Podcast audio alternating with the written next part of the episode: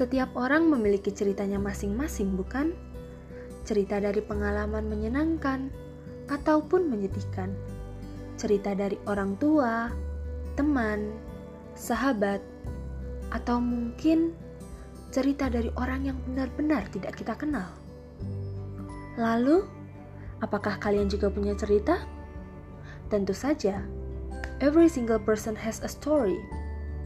Begitu pula aku Niswah Umudah Zakia yang juga memiliki banyak cerita untuk didengar. Did you know? Sometimes telling your story could make your day better. So, let me tell you a story. Cerita Niswah.